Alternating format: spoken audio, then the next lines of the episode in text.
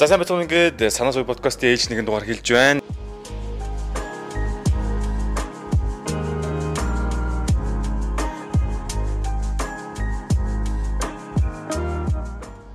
Та ямар нэгэн ажил төрөл эсвэл бизнес эхэлж байх чинь саад бэрхшээл зөндөөл гарч ирсэн баг. Тухайн цаг үедээ бол дааж давшгүй их санагдаж байсан. Харин дараа нь эргээд харахад бол энэ жижигхэн асуудал байсан байдаг. Амжилтанд хүрсэн түүхийг бүгд л ярьдаг. Харин уналтын түүхийг баг хинч ярьдаг анзаарлаа. Тиймээс айцтайгаа нүүр тулан босож ирсэн болон ирээдүйд гарч болцсошгүй жишээнүүдийг хуваалцахаар шийдлээ. Гэхдээ байзаараа бид нар ер нь яагаад ингэхдээ алдаад бүдрээд байдаг вэ? Уналтаас сургамж авч санаа суй. Намаг Эрдэнэтр гэдэг санаа суй подкастын хост байна. Энэ удаагийн дугаар бол нэгэн сонирхолтой жовчин орж байгаа. За хэрвээ энэ дугаарыг анхудаа сонсож байгаа хүмүүс сансуй подкаст бол ямарваа нэгэн байдлаар бизнес хийжсэн хүн. За тэгээд тэр бизнесээс алдаж исэн туршлага дээр тулгуурлан а тэрийг сууж одоо тэндээсээ бүгдээрээ санаа сууя гэсэн үрээтэй ийм подкаст байгаа маа. За энэ удаагийн дугаарт бол HYP community-гийн гүйцэтгэх захирал Туан ах маань хүрэлцэн ирсэн байна. Туан ахыг хүмүүс бол маш сайн хөгжмийн продюсер гэдгээр нь мэддэг. Ягаад гэвэл тэрээр одоо Токио улсад яг мэрэгжлийн сургуулийн төгсөж ирсэн Монголдо одоо яг энэ салбартаа томоохон одоо гол төлөөлөгчний нэг байгаамаа. За баярлалаа хүрэлцсэн. Баярлалаа. Сүртэй танилцуулсан баярлалаа. За баярсан тий баярлалаа. За ингээд туунахаас одоо хамгийн ихэнд асуух асуулт бол одоо HYP ингээд community байгаа. Энийг одоо ихэнх хүмүүс бол зарим нь мэдэхгүй байгаа. Тэгэхээр эхний ээлжинд энэ community-г гоё тайлбарлаж яриач. Яг ямар учиртай те ямар артистууд байна. Бизнес модель нь бас дэлгэрүүлээд би бас сонсчмоор байгаа. За HYP community маань за ер нь бол би өөрөө яг хөгжмийн студийн инженер мэрэгчлэр төгссөн. Яг студид дуу бич микс хийж, мастер хийдэг яг тийм хөгжимтэй ажилдаг тийм мэрэгчлээ. Тэгээ яг мэрэгчлэр одоо 14 5 жил бол ажиллаж байна уу та. Тий, тэгээд за анх за сургуулаа төгссөөд а Монголд ирээд яг мэрэгжлийн студид ажиллаж туршлага хоригдлуулж байгаа. За ер нь 2014 оноос юм уу да.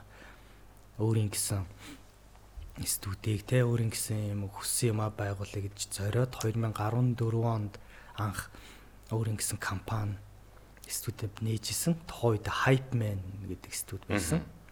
Тэгээд тэр маань одоо яг Монголд тухайн үед жоохон шинэлэг байсан. Өмнө мэдээж байсан. Гэхдээ яг тухайн үед бид нар албан ёсоор яг зарлж гаргаж иржсэн нэг одоо label гэдэг систем ба records гэдэг системийг илүү тодорхой хөгжүүлээ. Энэ дээр илүү ач холбогдол үзүүлэе гэдэг утгаараа анх артистуудтай ажиллах те рекордс лейбл маягаар анх үйл ажиллагаагаа эхэлжсэн. За тэгээд 2019 он 20 онд одоо бид нар дахиж менежментийн шинжилэл хийгээд тэгээд HYP гэдэг нэрээр нэрээ солиод тэгээд үндсэн үйл ажиллагаа маань ерөөхдөө яг нэг өмнөхөөрөө явж байсан. Тэгээд тэрнээс илүү бид нар за level course гэхээс илүү бас community хэлбэрээр бас цаашаа модельөө өөрчлөөд явбал сонирхолтой юм байна гэдэг илүү community маягаар одоо ингэ ажиллаа байгаа. Одоо ингээд ихэнх хүмүүс ингээд хөгжмийн институт гэхээр аа за очиод дуугаа авчулд юм байна. Аа тэгээ артистны хариалагдаад яваад идэм юм. Цаад бизнес модель нь аа их хүмүүс аа мэддэг юм байна л да. Одоо манайх ч бизнесийн подкаст учраас бизнес нь яаж яваад ингэ ойлгохтой. Одоо чи дараалал нь те худалдаа бол ингээд бүтээгдэхүүн аваад татаад үйлдвэрлээд дэрлэгчтэй үжин гэдэг шиг энэ орлого орлох модель нь ямар байдгийг одоо яг энэ артист хөгжмийн чиглэлтэй салбар дээр. За. За би миний хувьд бол яг энэ хөгжим гэдэг салбарт хөгжим гэдэг юмар одоо яг амьдралаа авч яваад хоолоо олж идээд ингээ явж байгаа яг энэ бизнес дотор нь зах зээл дотор нь байгаа хүн. За тэгээд ер нь бол Монголын хөгжмийн бизнес одоо хөгжмийн индастри гэж яригадаад байгаа энэ зах зээл бол өөрөө их юм яривхтай салбар байгаа. Ер нь бол яривхтай. Тэгэхээр энэ яривхтай салбарыг одоо аль болох одоо зөв хэлбэр зөв модельд нь оруулахсан. Тэгээ олуулаа яг хөгжмийн салбарт хүмүүс хамтраад ингээд энэ нэг моделийг яг гадны хөгжмийн салбаруудад ямар хөө моделээр явдггүй ямар хөө байдлаар үр ашигаа хүртдэггүй яаж тэр бизнесийн салбар нь амжилттай байдгүй гэдэг тэр жишгээр одоо хамтдаа энийг нэг бүтээх хийсэн гэдэг зорилготой явдаг тийм хүн байгаа. Тэгэхээр яг хөгжмийн салбар маань өөрөө юу байгаа л та. Ер нь бол манай сонсогч үзэгчд ч гэсэн ер нь анзаардах. Ер нь бол яг тийм юм одоо бизнес модель нь яг юм одоо хууль эрх зүй талаасаа тий бүх эдийн засаг талаасаа бүх юм ингээд зэгцрээд нэг юм зөв хоногтой орцсон тийм салбар бол биш тий. Одоо тэгэхээр ер нь бол анхан одоо түлжиж яваа, босч яваа, хөгжиж яваа салбар байгаа. Тэгэхээр жоох ороо усаа гэж ойлгож байна. Ороо бусгаа байдалтай байна. Тэгэхээр яг хөгжмийн бизнес талаасаа болоод ингээ хүмүүсийн ярьдаг штэ. Хаанаас мөнгө олдیں۔ Яаж ингэдний. Тэгэхээр ер нь бол одоо харж байгаагаар бол одоо манай артистууд ч гэдэг юм дууч ихэнх нь одоо манайхны хэлдгэр халтуурч гэдэг юм уу тиймэрхүү перформанс маягаар энэ тэнд л одоо захиалгаар очиж дуулах маягаар бол илүү их орлого болон одоо мөнгөний урсгал нь тэндээсээ илүү байгаа. Би энд нөгөө entertainment гэхээс илүү хөгжмийг зөвхөн ярьж байгаа тий. Тэгэхээр entertainment салбар маань өөрөө кино урлаг тий тоглолт гэл зөвчнөө олон салбар тоглолт. Илүү их би нөгөө өөрийнхөө байгаа хөгжим талаа илүү ярихад артистууд бол нэг тиймэрхүү байдлаар өнөөдрийн бизнесийн модель нь бол тийм ба. За нэг студид ч юм уу нэг газар дуу бичүүлээд тэрийг ямар нэг байдлаар төрсжүүлж клипжүүлээд тэрийг YouTube тавиад тэр нь олон хүнд хүрэх юм бол тэрийг хийт болох юм бол олон газар дуудагдаж те олон газар дуулж тэгж мөнгө олно гэдэг нэг юм үндсэн одоогийн байдлаар бол явж байгаа хэв маяг нь бол тийм байгаад байгаа. Тэгэхээр энэ бол а тийм одоо салбартаан бол тийм одоо сайн зүйл бол биш болов. Жог хөгжил доогуур гэж харж болох. Хөгжил нь арай одоо гүйцэж амжаагүй юм болов гэсэн санаа төрдгийн. Тэгэхээр илүү их одоо артистууд маань одоо одоо бид нэр хөгжмийн салбарыг ингээд харахаар гаднаас нь байгаа хүмүүс бол юуг олж хардаг вэ гэхээр зөвхөн тайзан дээр байгаа хүмүүсийг л олж харж байгаа шүү дээ. Дуучдыг тий артистуудыг. Тэгэхэд энэ салбар маань өөрөө ард нь салбарыг яг авч авж байгаа ноён нуруу болж байгаа харийн албаныхан гэж маш том хувийг эзэлдэг. Хөгжмийн салбарын маш том хувийг эзэлдэг нөөц ажил одоо ажлын хүч юм уу тийм одоо хүмүүс байна л да арын албаны ил гардаг хүмүүс. Тийм. Тэнгүүд энэ ард байгаа хүмүүс маань өөрөө тухайн салбарын бараг 60 70% бүрдүүлжтэй тэр салбарын хөгжлийг тодорхойлж идэг тийм хүмүүс байна. Тэгэхээр тэр хүмүүс маань одоо энэ хөгжмийн салбраасаа ямар хувь хишиг бүртгэх юм те тэндээс ямар орлого олох юм гэдэг тал дээр бас илүү анхаарах шаардлагатай л да. Энэ салбар хөгжихийн тулд. Тэхийн тулд зөвхөн артистууд ингээд халтур гэдэг зүйлээр ингээ хоолоо мөнгө олоод явахаас илүү илүү салбараараа яаж мөнгө олдог болох яаж орлого нэмэгдэх яаж зөв хөгжих гэдэг тал дээр илүү анхаарах хэрэгтэй юм шиг санагддаг. Тэгэхээр одоо гадны модельүүд нь шүү дээ одоо стримингээр мөнгө олдог ч байдаг юм уу те. Одоо YouTube байлаа гэж YouTube-ийн үзэлтээс мөнгө олго нь орж идэг. За радио, телевиз ч байдаг юм уу, караоке ч байдаг юм уу те. Тэр одоо хөгжим хэрэглэгдэж байгаа бүх газраас орлого гэдэг зүйл маань олддог болоод эхлэх юм бол тэрний хуваарлалт гэдэг зүйл яригда. Тэндээсээ яг энэ салбарт байгаа хүн нэг бүр одоо үр ашгаа хүртээд явах болов гэж энэ бизнесийн моделийг бол би харж байгаа. Гэхдээ өнөөдрийн төвшөнд бол манай салбарынхан болон одоо энэ хүмүүс бол энэ талаар бол маш их ярьдаг болсон, дуурдаг болцсон. Тэгэхээр энэ ойрын хэдэн жилд бол энэ систем маань бүрлдэх болов гэж бол найдаж байгаа. Зүг зүг. Та бас ингээ сайн яриг базаад хэлэхэд бол ихээр л за ингээд ямар нэгэн дуу гараад өсчүүлээ тэр нь олон хүмүүст хүрч чадчих одоо тэргээ сайн төгөлтэй хүрэх юм бол дуу нь хүн болгон мэддэг болж ш тэр хүн одоо шинжлэр ч юм уу те хамаг одоо гол орлогынхоо цөмийг хийнэ гэж ярьж. За одоо энэ бол манад байгаа концепт. А цаашаа сайн таны ярьцаар ингээ хүн болгон одоо чинь утасны дуунаас хүртэл ингэж шимтгэл аваад тэр нь бүгд ингээд доош нь задарч ингээд хөгжим хийж байгаа хүмүүст очих юм бол энэ зөв систем болно гэж. За тэгэнгүүт одоо эндээс юу харахад нэхэр Монголд ийм хөө байгаа юм. За тэгвэл гадаадын K-pop гэдэг юм хамгийн ойрын чинь студийн систем яг яаж ажилт юм бол одоо чинь артистаа бидлээ, дуугаа хийлээ. Тэгээд мөнгө нь урсгал нь яаж үүд юм бол одоо энэ дээр үргэлжлүүлээ асуугаад баг хувийн хүртэл яаж үүд юм. Студент хэдийг аваад артист нь хэдийг цалин болгож авдаг. Тэрнээс тэр амжилтанд хүртэл артист ингээ өөр тавиа яваад идэм юм. Ямар үт юм. Монгол яг ингэж явж чадж байгаа юу? Одоо хоёулаа гадны нэг улсаар жишээ аваад энэ систем нэгж ажиллаж байгаа. Аа тэгэхээр Монголд бол ийм арай болоогүй ийм байгаа. Энд ялгаатай зааг нь харуулах гэдэг юм л да. За ер нь хөгжмийн салбар одоо дэлхийн хөгжмийн салбар гэдээ ярихад нэг онцлогтой юм байгаа нь бол ерөнхийдөө нийтээр нэг форматаар явдаг салбар ба. Яг улс улсын өөрийн гэсэн онцлогт орсон жижиг жижиг өөрчлөлтүүд байгаа ч гэсэн ер нь бол өнөөдөр хөгжмийн салбарыг доминант хийж байгаа одоо нэг л улс биш шүү дээ Америкийн нэгдсэн улс. Америкийн нэгдсэн улсад а одоо хөгжмийн индастригийн хууль эрх зүй те тэр бизнесийн харилцаа ямар хуу байгааг тэр чигтээ бол ерөнхийдөө бус улсууд нь жишг болгож аваад явж байгаа.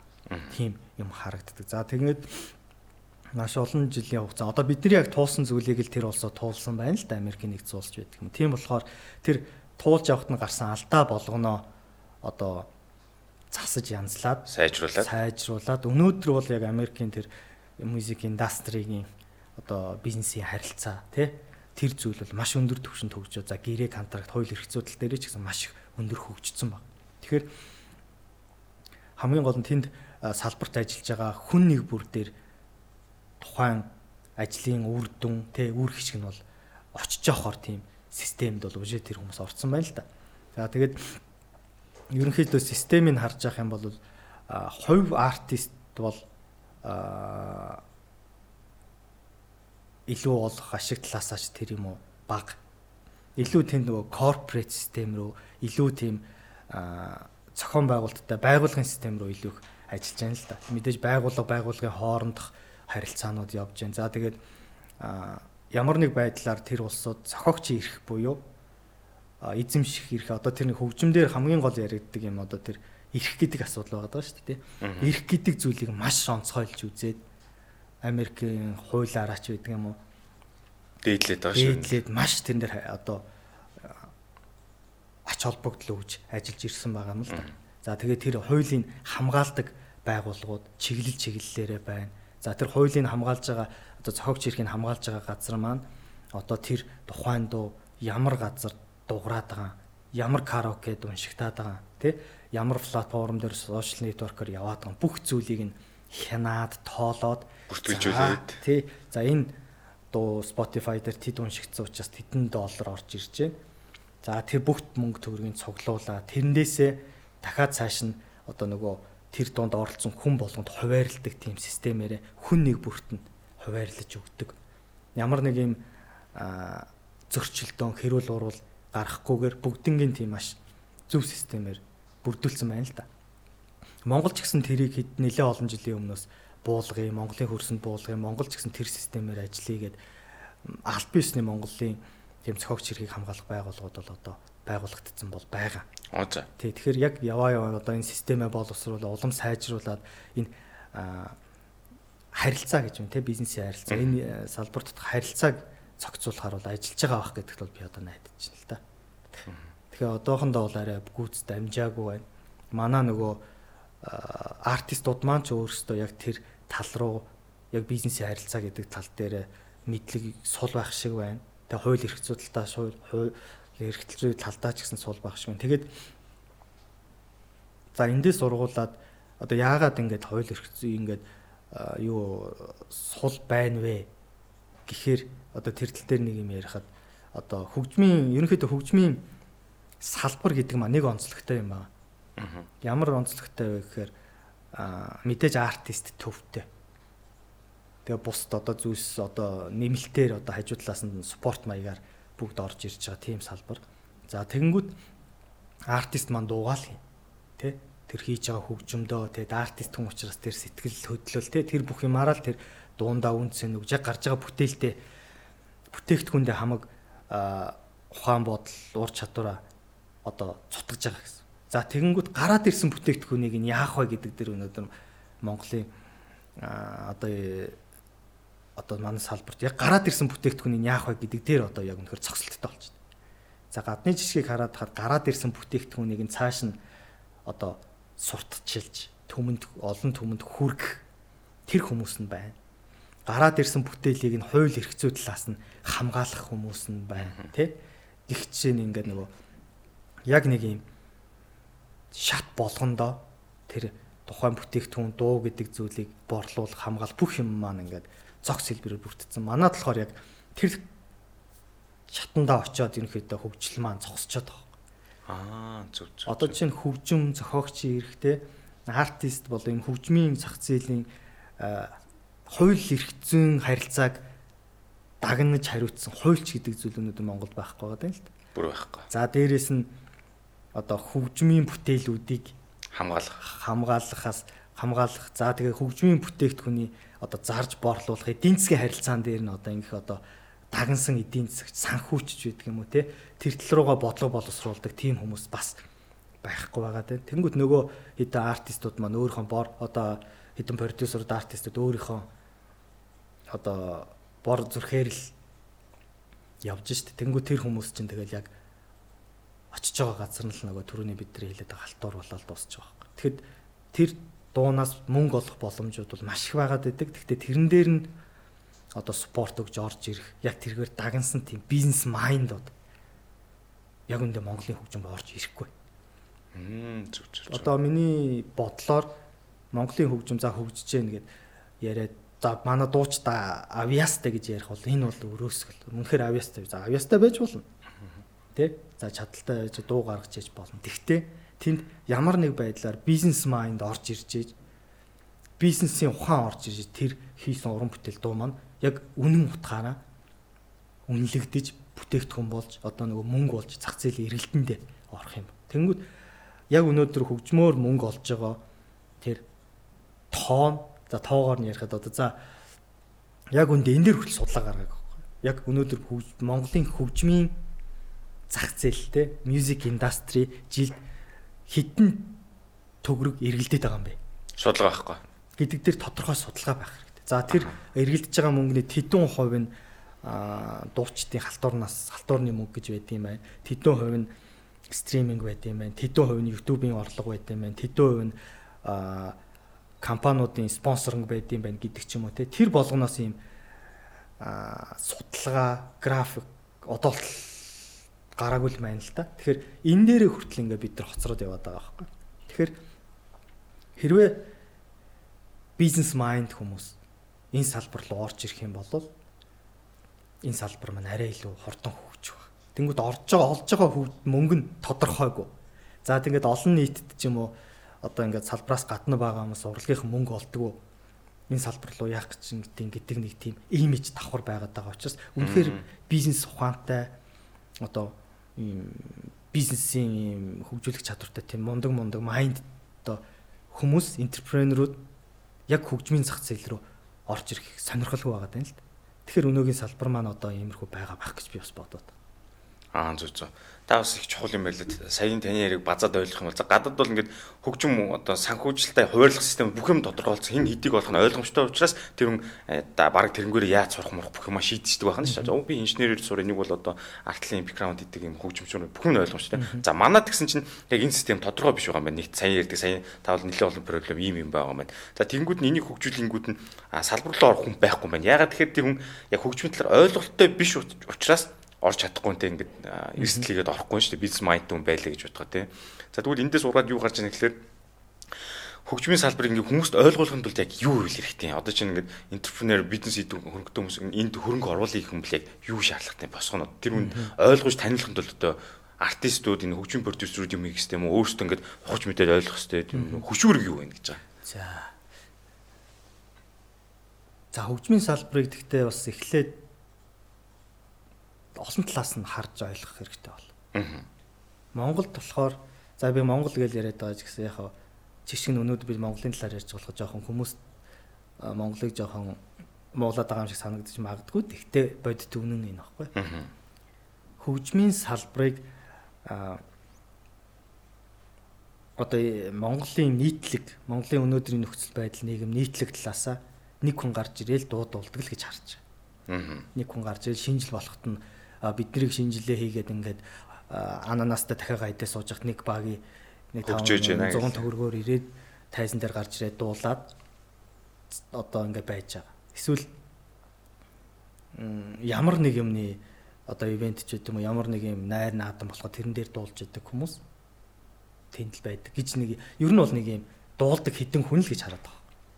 Тэгээ яг хаа имижээр имижээр ч гэсэн айгүй тийм би бол хөгжмийн салбарын имиж яг нийгэмдэр Монголын нийгэмдэр бол аюу муу байгаа гэж боддог. Мэдээж том суперстарууд, лежендүүд байна те бид нэр хүндлэх ёстой хүмүүс байна. Гэхдээ ерөнхийдөө нэг хөгжмийн салбарыг аа нэг хитэн дуучтал гэж харж байгаа шүү дээ. Тэгэхээр энэ бол нэг л үнцэг байна. Тэгэхээр миний хэлэх гээд байгаа нь болохоор энэ хөгжмийн салбар маань өөрөө зөвхөн хөгжимчд биш байгаа. Одоо дуучид хөгжимчд гэсэн үг одоо тайзны хүмүүс биш. Тэгэхээр энэний ард яг энэ мэрэгжил энэ салбарт сурсан олон арын албаны хүмүүс байгаа. Магадгүй энд одоо тэгээд бодоод үзгээ энэ салбарт яг өнөөдөр ажиллаж байгаа хэдэн хүн байна гэж судалгаа байхгүй байгаа байхгүй.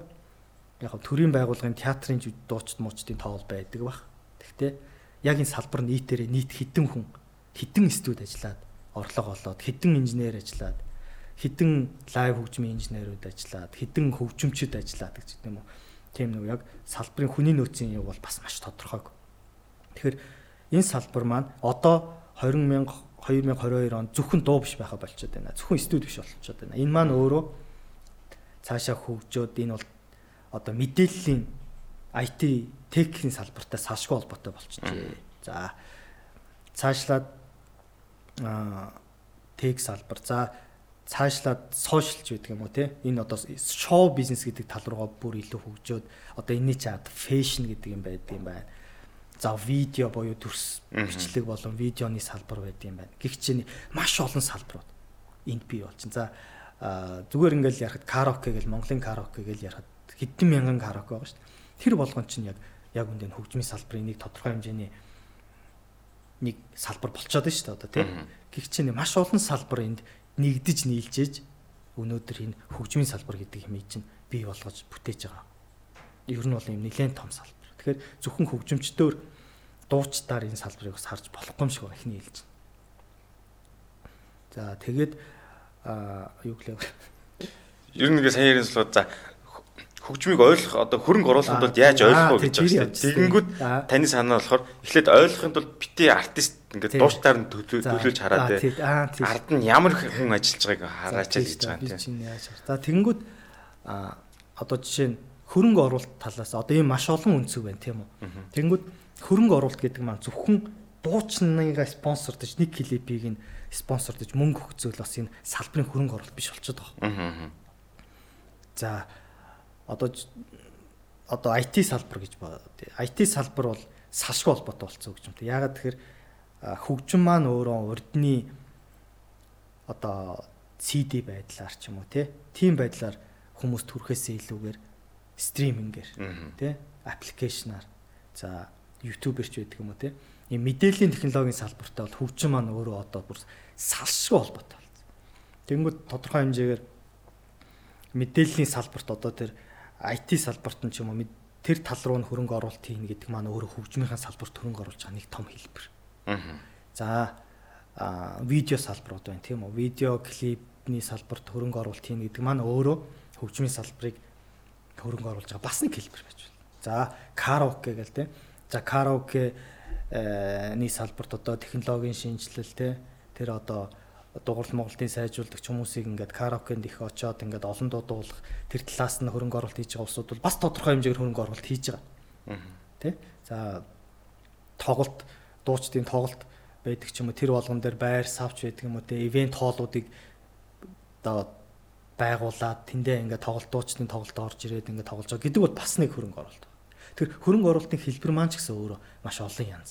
Тэр тухайн хөрөнгө оруулахыг хүссэн маань аль салбартаа хөрөнгө оруулах вэ гэдгээ бас өөрийнхөө ашиг юг хараад хийвэл энэ бол цаад утгаараа бүгд л хөгжмийнхаа салбарыг дэмжиж байгаа л хөрөнгө оруулалт болж байгаа. За дээрэс нь одоо YouTube-ийн контентууд байна тий. Контентуудын салбарт одоо ямар нэг хэмжээгээр хөгжмийн мэдээлэлч байдаг юм уу тий. Тэр байдлаар тасралтгүй хөгжмийн салбарын талаар өгүүлж яана гэдэг маань өөрөө энэ бол бас маш том хөрөнгө оруулалт. Тэгэхээр зөвхөн мөнгө бол биш болцоод байна л да. Энэ дээр инновацтэй контентын мэдээллийн хөрөнгө оруулалт байж болно. Одоо түгээх янз бүрийн байдлаар хөрөнгө оруулалтууд байж болно. Тэгэхээр салбар маань өөрөө ийм өргөн юм байна. Зөв зөв. Сая одоо таны ярианс бол би ойлгоход хөгжмийн салбар ингээд юу яаж яана хөгжил нь жоохон Монголд жоохон удаан байна те. Энийг хөгжүүлэхийн тулд ингээд бизнес майндтай хүмүүс орж ирээд болно гэсэнтэй. Тэгэхээр бол бизнес майндтай яг юу ойлгол хэрэгтэй вэ гэж би түр тань асуусан. Тэгэхээр та ингээд яг гой базаад хариулж шиг боллоо то. Маш олон төрөл байна. Эндээс сонгоод орооч ээ. Бүр ингээд хязгаарлагдахгүй олон төрөл байна. Заавал нэг дэлгэсэн дээр болон клипээр тайсан дээр гардаг хүнээр хязгаарлагдахгүй маа арталтан зөндөө байна. Энийг бизнес болгооч ээ гэсэн санааг та гой хэллээ. За тэгээд эндээс ургуулаа дараагийн асуулт нь юу болж нэхэр тэгвэл хөгжим сонсогчдоо хэрхэн бэлдэх вэ? Хүмүүсийг хэрхэн хөгжмийн боловсралтай болох вэ? Энэ талаар та бас дэлгэрүүлж ярьж байна. За амар олон салбартай гээл те амар олон хэлбэртэй гэсэн. Гэхдээ энэ салбарын маань амин сүнс зүрх нь явж явж ялцгүй хөгжим маань. Аа. Ерөөсөө тэр нэг дуурж байгаа нэг дууг тойроод энэ олон хүмүүс энэ олон салбар те энэ олон асуудлууд чи яригдчихэж байгаа. Тэгэхээр тэр болгоны цөм дуу гэдэг зүйл байна. Тэнгүүд тэр дуу хүн сонсохгүй болвол болохгүй болж байгааз. Тэр бүтээгдэхүүнийг маань хүн худалдаж авахгүй бол тэр тэр салбарыг хичнээн хөгжүүлэх гэ тэр салбарыг хөрөнгө оруулалт гэж ямарч ашиггүй.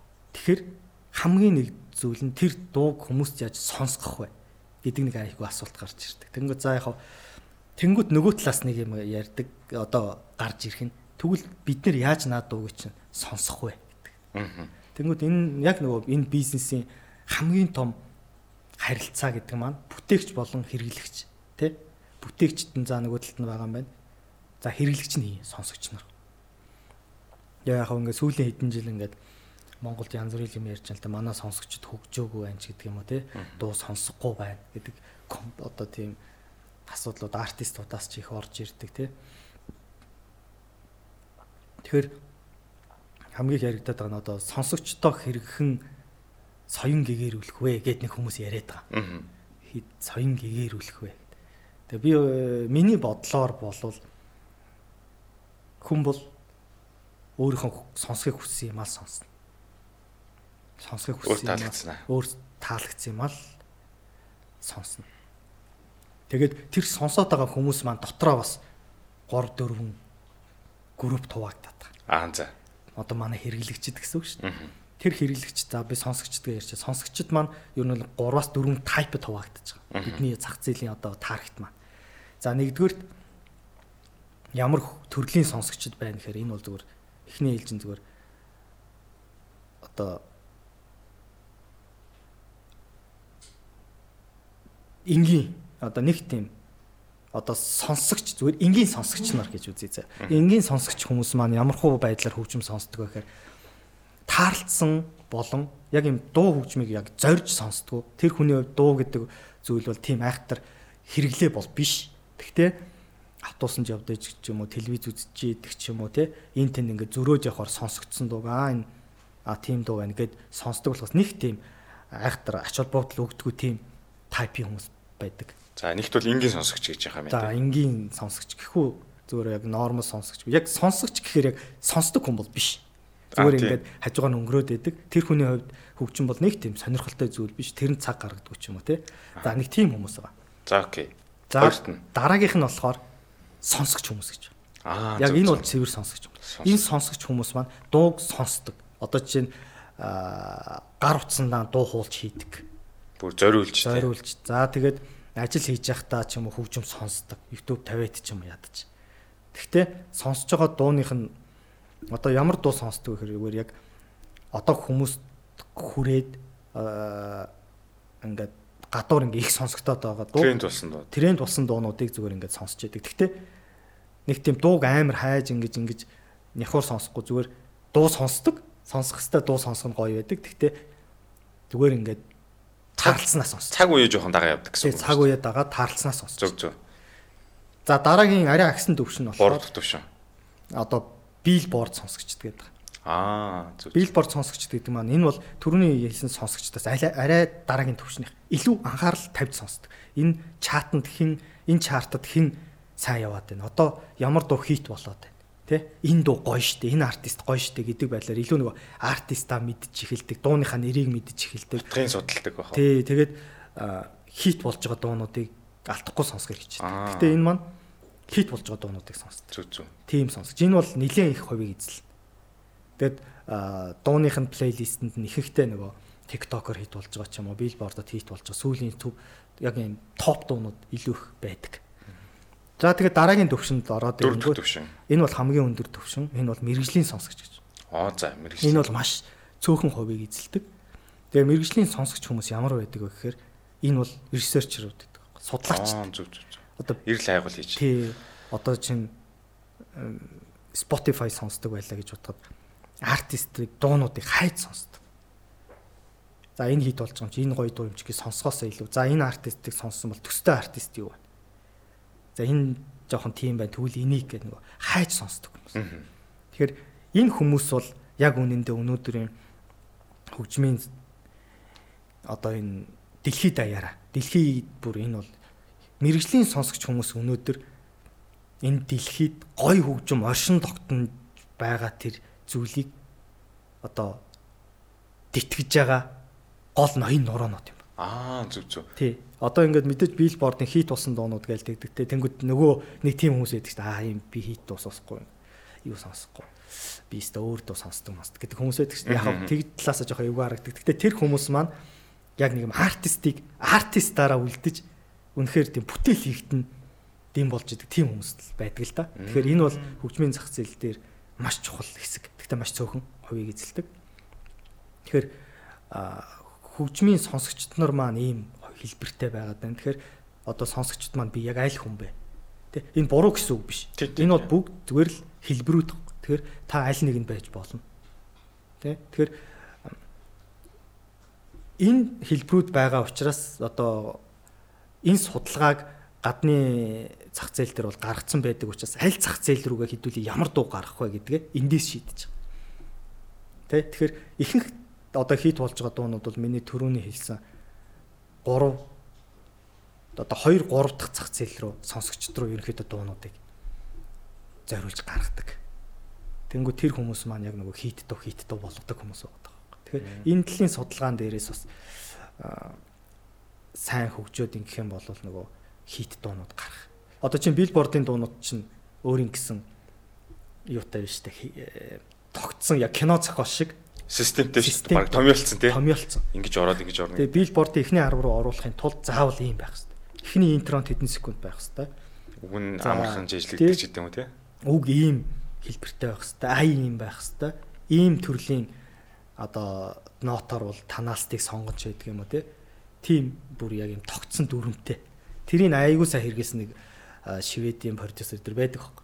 Тэгээ тэр хүн дуу гаргахаар билборд эхний 6 дунд тэр хүний дууч байдаг ч юм уу тий. Нэг тиймэрхүү юмнууд тогтцсон системүүд байгаа. Тэгэхээр алийг сонгох вэ гэдэг зүйл дээр байгаа. Тэгэхээр сонсогч нар маань өөрөө тийм хэлбэртэй.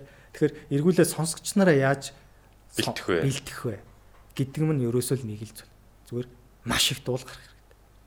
Аа маш их бүтээх хүн гарах хэрэгтэй. Тэгжээ тэр хүн маш олон юм дундаас сонголт дундаас магадгүй өөрийгөө ингээд ямар дуу сонсохоо мэдэхгүй явж хагаад тэр олон дуун дундаас дуртай дуутагаад хаарчингуудаа гинт сэтэл аваад цаашаа хөгжүүлээд өө ингээд дуугаа сонсоод явах гэж юм уу тий. Тэгэхээр бүтээгдэхүүн маш их байх хэрэгтэй. Бид нэр маш их сонголтыг өгөх хэрэгтэй. Сонсогчдод. Тэгэхээр одоо нөгөө салбар талаасаа бол тим шаардлага ирж байгаа. Маш олон дуу гэдэг нэг хэлбэр юм биш. Маш олон төрлийн хэлбэр. Одоо сонсогчдод анзаарах юм бол өнөөдөр Монголын хөгжим өөрөө маш хэлбэр нь ч юм уу жанр төрөл маш цөөхөн баг. Яг Монгол дуун дундаас ингээд Монгол хийгдэж байгаа дуунуудаас ингээд сонголт аваад сонсъё гэхээр маш цөөхөн жанрын дуунууд. Яг тэгэхээр ингээд ажиад хахаар ийм дуу хийт болж байгаа учраас ийм л дуу хий гэдэг ийм хандлага маш их байдаг. Трендийг ихээр дагдаг. Тэнгүүт ижил төрлийн дуунуудыг маш ихээр үйлдвэрлэдэг. Тэнгүүт тэр төрлийн дууг сонсдгоо хүн хэдэн зуун байгаа шүү дээ. Тий. Тэнгүүт тэр хүмүүс сонсох сонголт байхгүй болчдөг. Аа. Тэнгүүт одоо гадныхаа чинь ингээл 9 бусын төрлийн дуунаас гаргаж штэ тэ. Болсон болоогүй. Яагаад тэгж гаргаж яах гэхээр хүн өөрөө маш олон хэлбэртэй штэ. Олон төрлийн хүмүүс байгаа. Тэр хүмүүсийн сонсох, хүлээж авах хөгжмийн жанр янз бүр. Тэнгүүд тэр хүн тэр хүссэн хөгжмийг нь бид нар санал болгож авах хэрэгтэй болчихж байгаа.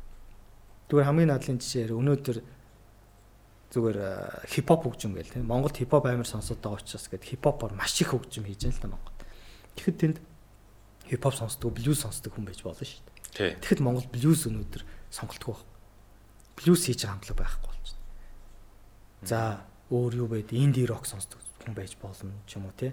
Эсвэл за бүр олд скул мускулын тийм жаз хөгжим сонсдог хүн байж болно те. Гэл маш олон төрлийн хүмүүс байдаг. Тэгэхэд тэр хүмүүсийн яг сонсомоор байгаа дуунууд нь яг Монголд өнөөдөр хийгдэхгүй байгаа учраас яг Монгол дуунуудаас сонголт их амар хэцүү болчихдог. Зүг зүг. Та бол их гоё сэтийг бүр гоё дэлгэрүүлж ярьлаа. Би ингээд ойлгоод сая базаа ойлгох юм бол хөгжмийн юм дөрөн төрлийн юм байд юм тэр дөрөн төрлөө би бол одоо миний хар шүү за миний төсөөллөөр ер нь бол нэг анзаарч харснаар нэг юм дөрвөн төрлийн сонсогч байгаа. Одоо яг таны хэлж байгаа дөрвөн төрлөөр чил ер нь багц аавна. Би бол шууд л гэж багц аавна. Ийм дөрвөн төрөл за би бол энэ 2 3-т нь багц байгаа юм. Тэгээ хөгжим хийж байгаа компани бол тэр дөрвөн одоо аль их байгаа дээр зориулжлалтай мөнгө олох гэж байгаа юм чи бизнес юм байгууллага тэгжил хийдэг юм байна шүү дээ.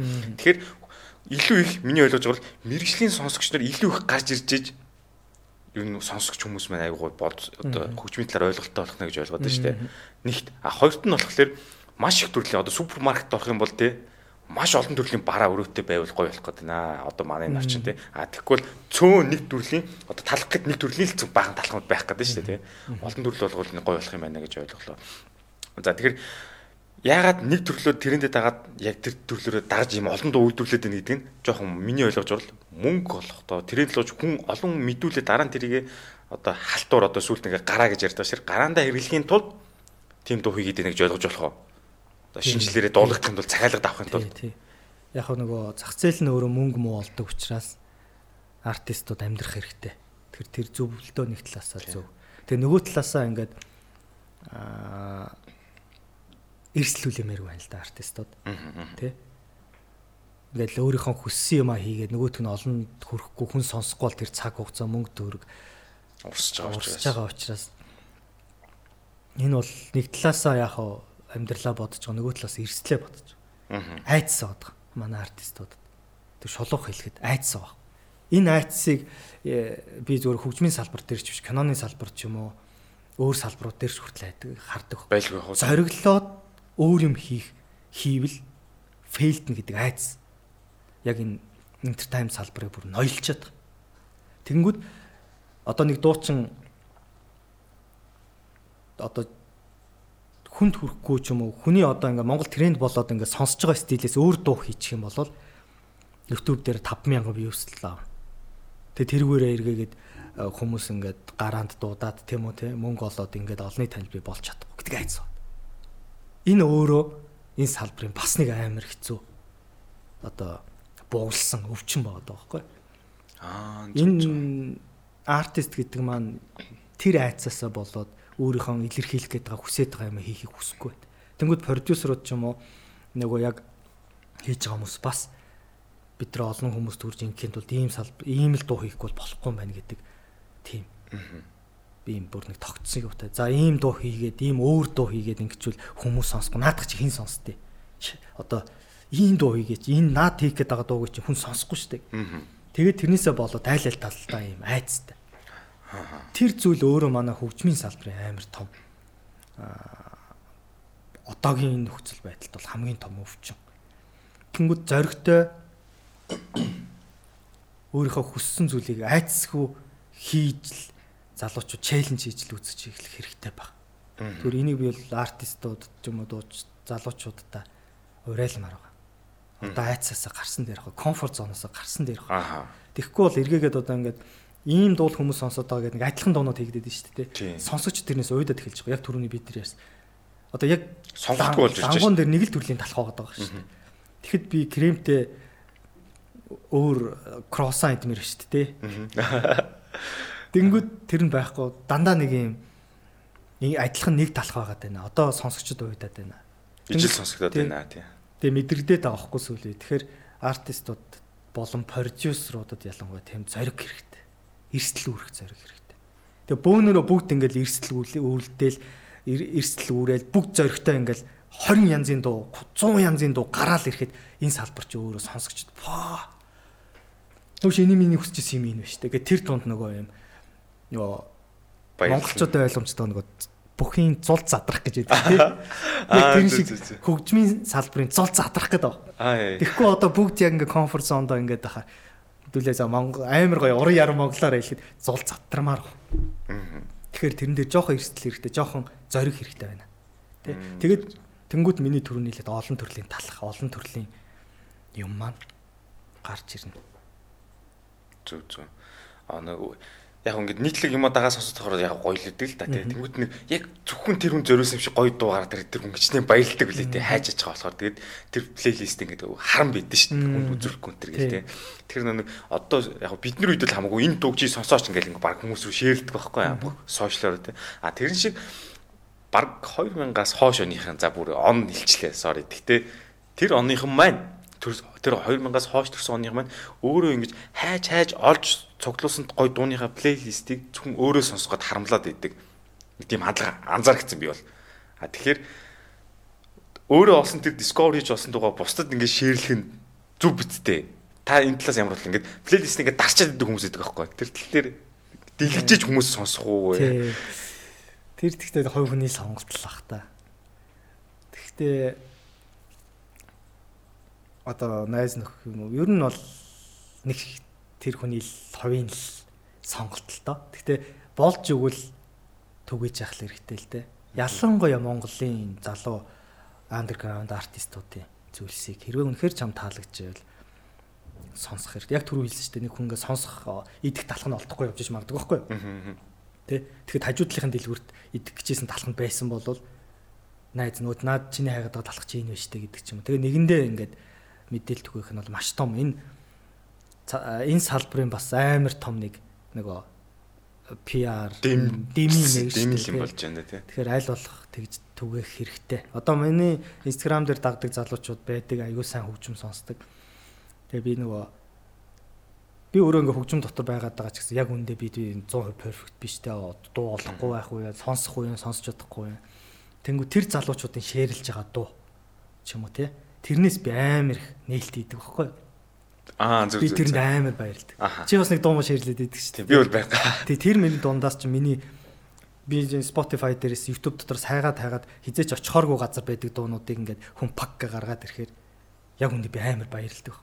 Тэгэхээр тэр бол маш хэрэгтэй нэг зүйлсүүд нэг. Тэгэхээр гоё нэг нэгэндээ танилцуулж авах хэрэгтэй. Гэтэ мэдээж тэр хүч биш шүү дээ хүчлэх албагүй шүү. Хувийн л тийм гоё гэхдээ тийм уудам сэтгэлтэй, уужим сэтгэлтэй байгаарай.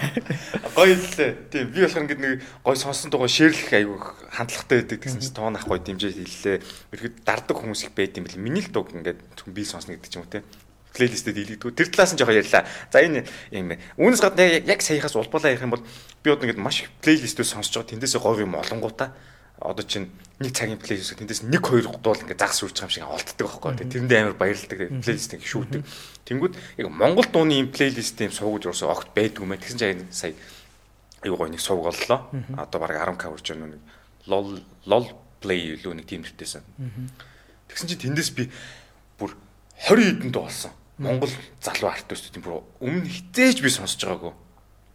Бүр ийм дуу үйд юм уу гэдэг ингээ бүр утсан да сонсоод ингээ баян сонсоод нээлт хийслээ тэр амар гоёсэн. Ийм дуунууд ингэж түгээдэг.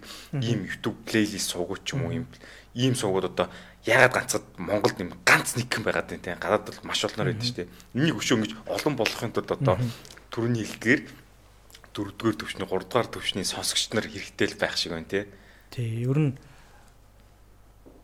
нэгдүгээр төвчний гэж хэлсэн шүү дээ. Түрний мэрэгжлийн сонсогч. Мэрэгжлийн сонсогч нарын амар том инфлюенс байдаг хөөх нэгдүгээр сонсогч нарын юу сонсож байгааг 2 3 дугаар төвшний тийм тайпийн сонсогч нар сонсдог. Сонсогчдод гэдэг айгүй сонирхолтой сэтгэл зүйтэй. Тэр нь юу гэхээр санал болгохоос илүү дэрэгдэх хүмүүс нь ч юм уу одоо тийм байдаг чинь нэг найз нь амар кул хөгжим сонсдог те амар гой гой сонин юм сонсдог байхад найзууд нь ерөнхийдөө дагаа тэр хүний сонсдог юм орчдөг дээ аа инста кул юм байна гэ те тэгэхээр тэр яг нэгдүгээр төвчний бол хоёрдугаар төвчний сонсогч нарын инфлюенс сонсогч нар болон тэрний үнд нөлөөлдөг одоо тэр сонсогч дундх одоо тэр хэрэглэгчдийн дундх нөлөөллөөрөө нэг рекорд ч юм уу нэг яг салбарын хүн гарч ирээд ярихаас илүү маш инфлюенс өндөртэй байдаг. Аа зүг зүг зүг зүг. Тийм болохоор одоо тийм нэгдүгээр төвшний за хоёрдугаар төвшний хүмүүс тиймэрхүү контент хийдэг ч юм хүмүүс дууг танилцуулсан тийм э, юунууд олон болох тусмаа ер нь бол сонсогчдын нөгөө дуу олох те дээрээс нь дууг хүлээж авах дууны нөгөө сонсох хэлбэр өөрчлөгдөхөд маш их нөлөөтэй. Одоо бид нэр эндээс ингээд энэ дуу гоё шүү дээ. Та нар ийм дуу сонслоо гэд ярихаас илүү хажууд нь байгаа яг өөртөө адилхан хэрэглэгч хүн энэ гоё юм байна шүү дээ гэд хэлэх бүр 100 дахин илүү үн цэнтэй. Тэгэхээр нэгдүгээр төвчний юм уу би нэг ранклцтэй хэлбэрийн заяа. Тэр сайн муу биш шүү дээ. Одоо сайн муугаар биш зүгээр л хэлбэрээр нь ангиж байна. Төвшин гэхээр бас амар ийгөөс гэж тийм. Нэгдүгээр тайпын тайпын яг зөв. Одоо тэр хүмүүс маш их итвэхтэй байгаад ингэх хэрэгтэй. Гэхдээ тэр хүмүүс ерөнхийдөө харан байт. Одоо нөгөө зөв зөв өөрийнхөө өөрийнхөө плейлистийг жоохон харамлах маягтай. Тэгэхээр нэг тиймэрхүү юм байгаа. Тэгэхээр сонсогчдоо өөрсдөө сонсогчдоо бас бэлдэх. Аа зүг зүг зүг. Тий тэгэхээр тэр түрүүний хэлж байгаа плейлисттэй тэр контент тэд нар бидрээс илүү сонсогчдыг бэлдэн.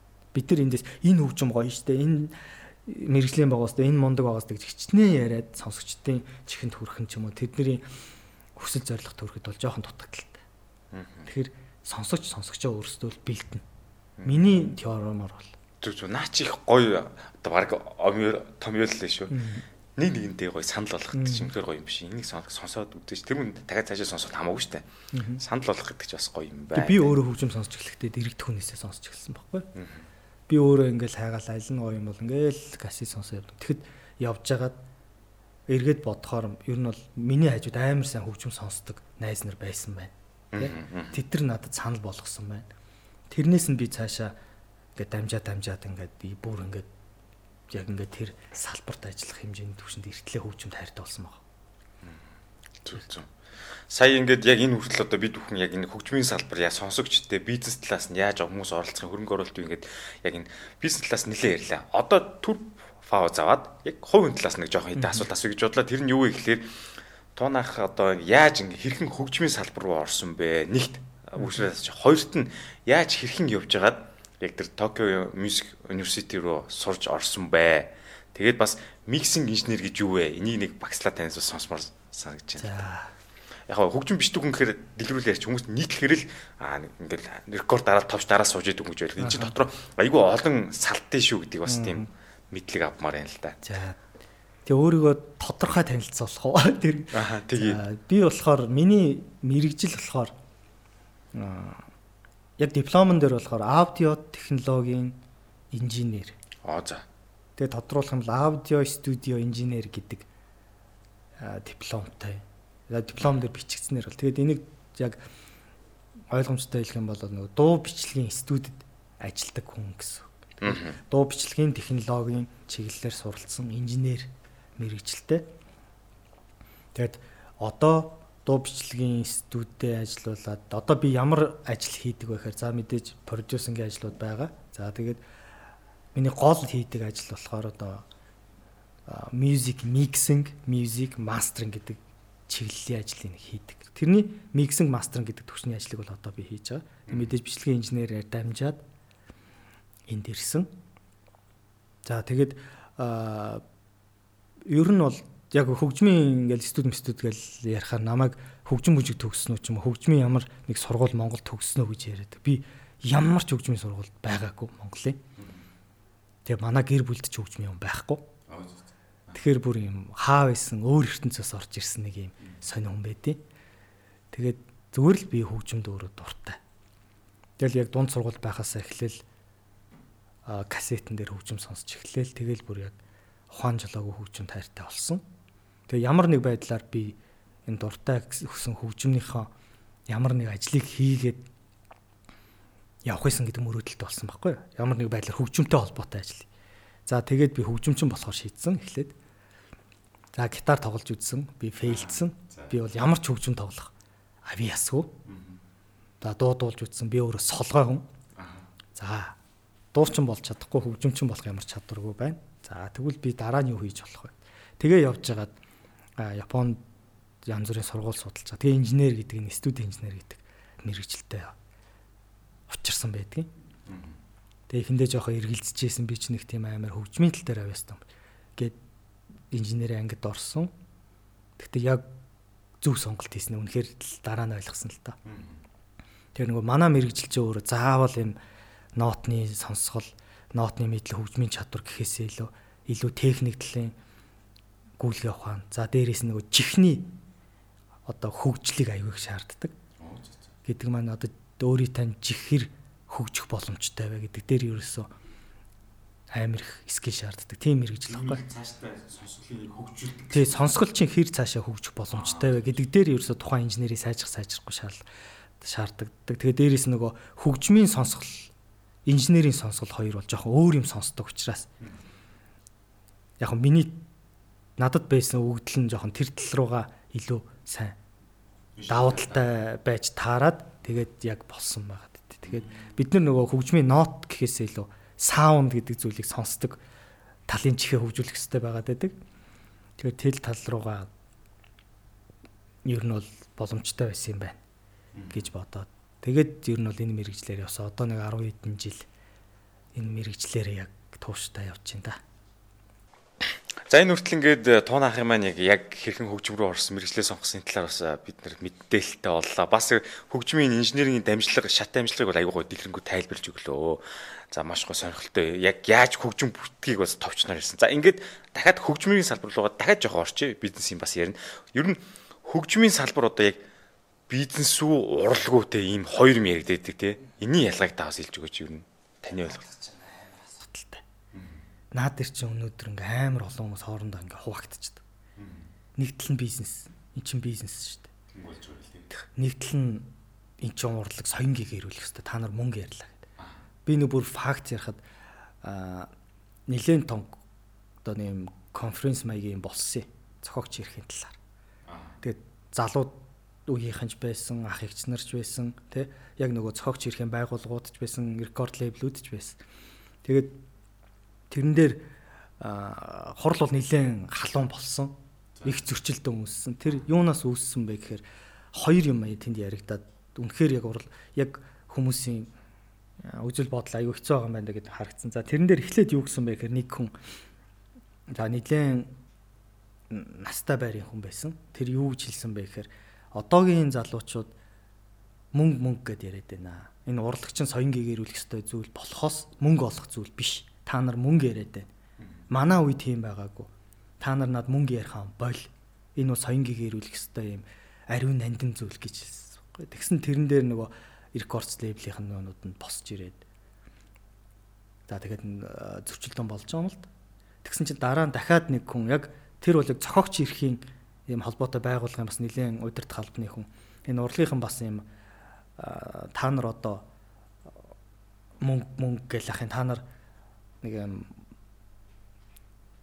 мөнгө бол одоо ингээд нэг юм баг хоббигоороо юм хийжээж яах гэж ингэж мөнгө яриад идэв гэж нэг юм утгатай юм хэлээд тэрэн дээр жинхэнэ гал ассан байхгүй. Тэгэнгүүт яг үнэндээ энэ салбарт байгаа хүмүүс нэг талаасаа идэх талхаа олж идэж байгаа зүйл. Энэ хөгжим гэдэг байгаа зүйл. Хөгжимчүүд, дуучид одоо харахад л ингээл нэг ингээл ингээл хүмүүс харахад л амар сонио харагдтал ингээл хоббигоороо дуртай ямаараа хийгээд байгаа гэл нэг юм дураараа байгаа хүмүүсийг харагдаад байгаа ч гэсэн энд байгаа хөгжимчин, дуучин, бүжигчин, юу гэдэг продюсер, студийн хүмүүс энэ яг адилхан төрийн албаны ажилтнтай яг адилхан эндээс хоолоо олж гэр бүлээ тийжэж байгаа юмс. Ингээд харахаар энэ бол бизнес юм шиг харагдана. Энэ бол яриангүй бизнес. Энийг одоо тэр олон улс чинь ч гэсэн бүр батлаад өгчл мьюзик индастри энэ бол бизнес шүү. Энэ бол бизнес гэдэг бүр ингээд батлаад өгсөн. Тэгэхээр бид нар тэрэн дээр ямарч эргэлзэх сал зүйлүүгээр энийг бизнес гэж хүлээн зөвшөөрөх. Тэнгүүд за тэгвэл урлаг юм биш үү? Урлаг биш энийг бизнес болгох.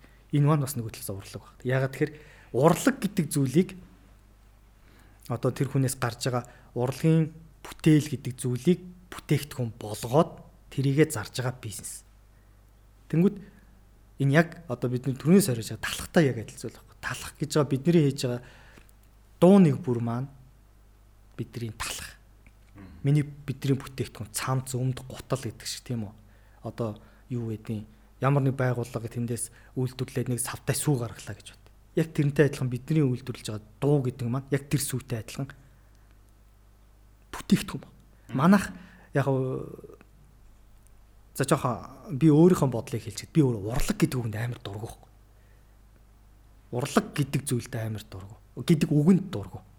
Тэ тэгэхээр хитрхи урлаг урлаг гэд яриад тахаар энэ зүйл маань өөрөө хүмүүсийн юм энэ хаста урлаг гой байх хэвээр юм хүмүүст л ингээл байж гой ингээ харагдаад гой юм өгж явах хэвээр гэдэг юм а хитрхи төрүүлж ярингууд нэг ард нь тэндээс олж байгаа мөнгө төгрөг бизнесийн модельуд алаад байгаа юм шиг санагдав.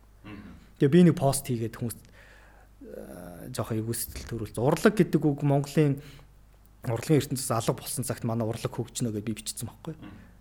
Жоох агрессив байж магадгүй. Гэхдээ яг цаад утгаараа энэ олон утга агуулсан гэж би боддیں۔ Гэхдээ яг нэг тийм. Тэгэхээр энийг тэр үг нь өөрөө тийм эвгүй болгоод иж магадгүй. Аа зөв зөв.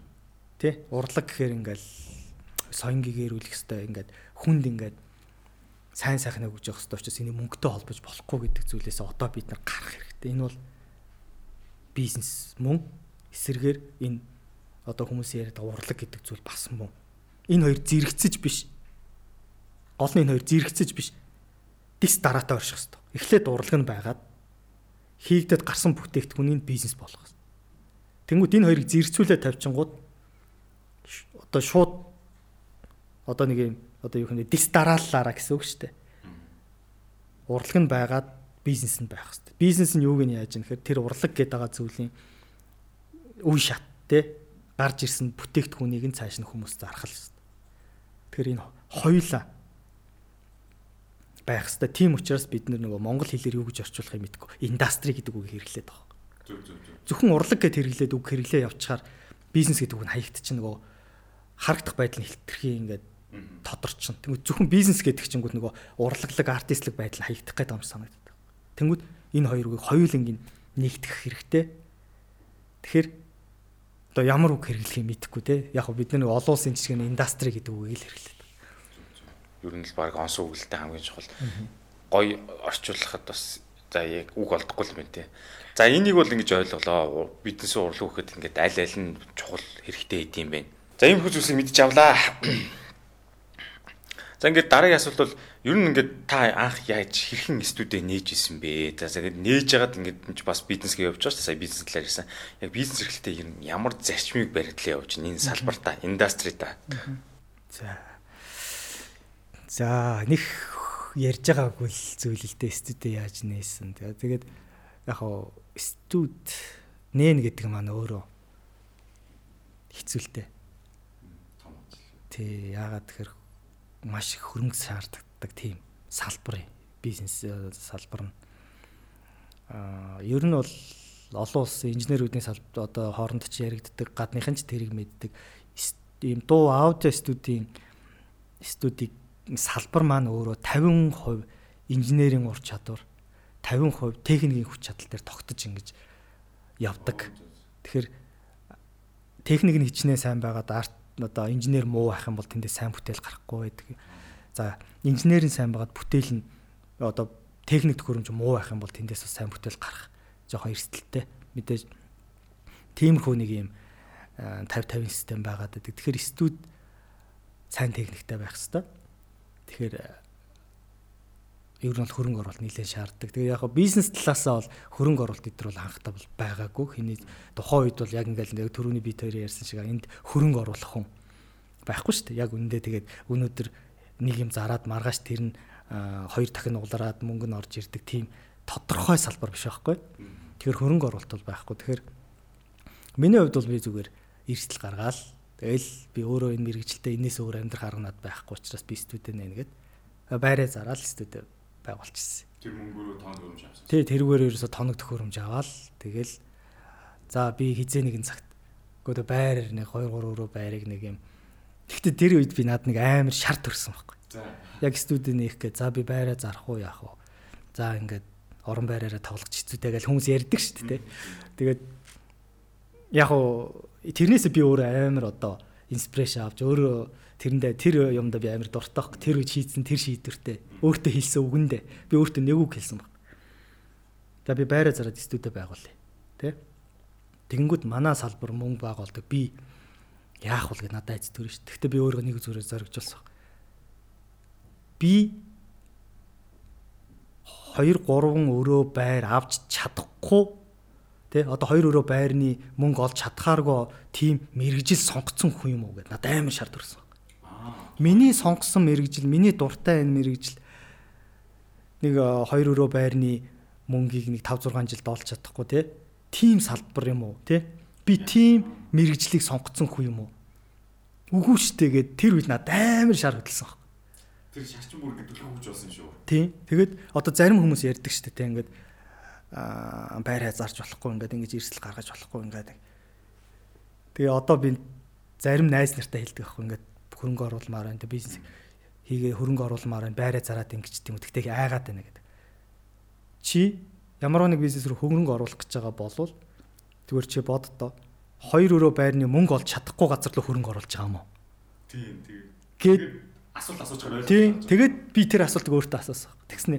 Тэгээд тийм дээ те. Би өнөөдөр би мэрэгжилд энэ салбарт амар дуртай тий энэ салбарт ингээ бүх юмаа зориулж байгаа тий энэ салбараас би үр ашиг хүртэх ёстой л гэж энд орж байгаа учраас би эндээс үр ашиг хүртэх ёстой. Тийм болохоор би сайн ажил энэ мөнгийг би хангалттай олж чадна. Come on гэд тэгээд би 2 руу 3 руу байр зараа тэгээд нүүш ороод хөрөнгө оруулалт хийгээд студид хэлсэн. Тэгэхээр яг залуучууд нэг тийм айц байдаг. Зүгээр яг миний л арга шүү. Зүгээр асуугаад өөрөөсөө асуугаад үзээрэй. Наач өстө гоё асуулт байна. Дараа би чинь дээр ашиглах. Тий. Үнэхээр тийм биз дээ. Одоо таны сонгосон мэрэгжил өнөөдөр хийж байгаа ажил чинь амьдралын наазахын хэрэгцээ шүү дээ байр гэдэг бол хамгийн анхан шатны хэрэгцээг хангаж чадхаар орлогыг олж чадахгүй бол яагаад чи энэ ажлыг сонгосон юм? Тийш хөрөнгө оруулах гэдэг. Тий. Яагаад хөрөнгө оруулах гэдэг. Тий. Нэгэнт хөрөнгө оруулж байгаа бол өөртөө ихтэй байгаад би энэ 2 өрөө байрыг 3 өрөө байрыг дахиад энэ мөнгийг хангалттай болно гэдэг өөртөө итгэлийг төрүүлээ тэр бизнес рүү орох хэрэгтэй юм шүү.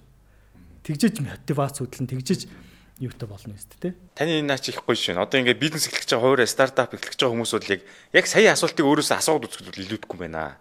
За заавал одоо байр өрөө байх өөр юу ч хэлэх машин дээр юу идэн тийм үйлдэл хөрөмжүүд юм. Тэгвэл тэгээд орохгүй шин барыг тодорхойлох юм шүү. Тий. Тэгээд дээрэс нь амар мотивац болдгол юм байлээ л дээ.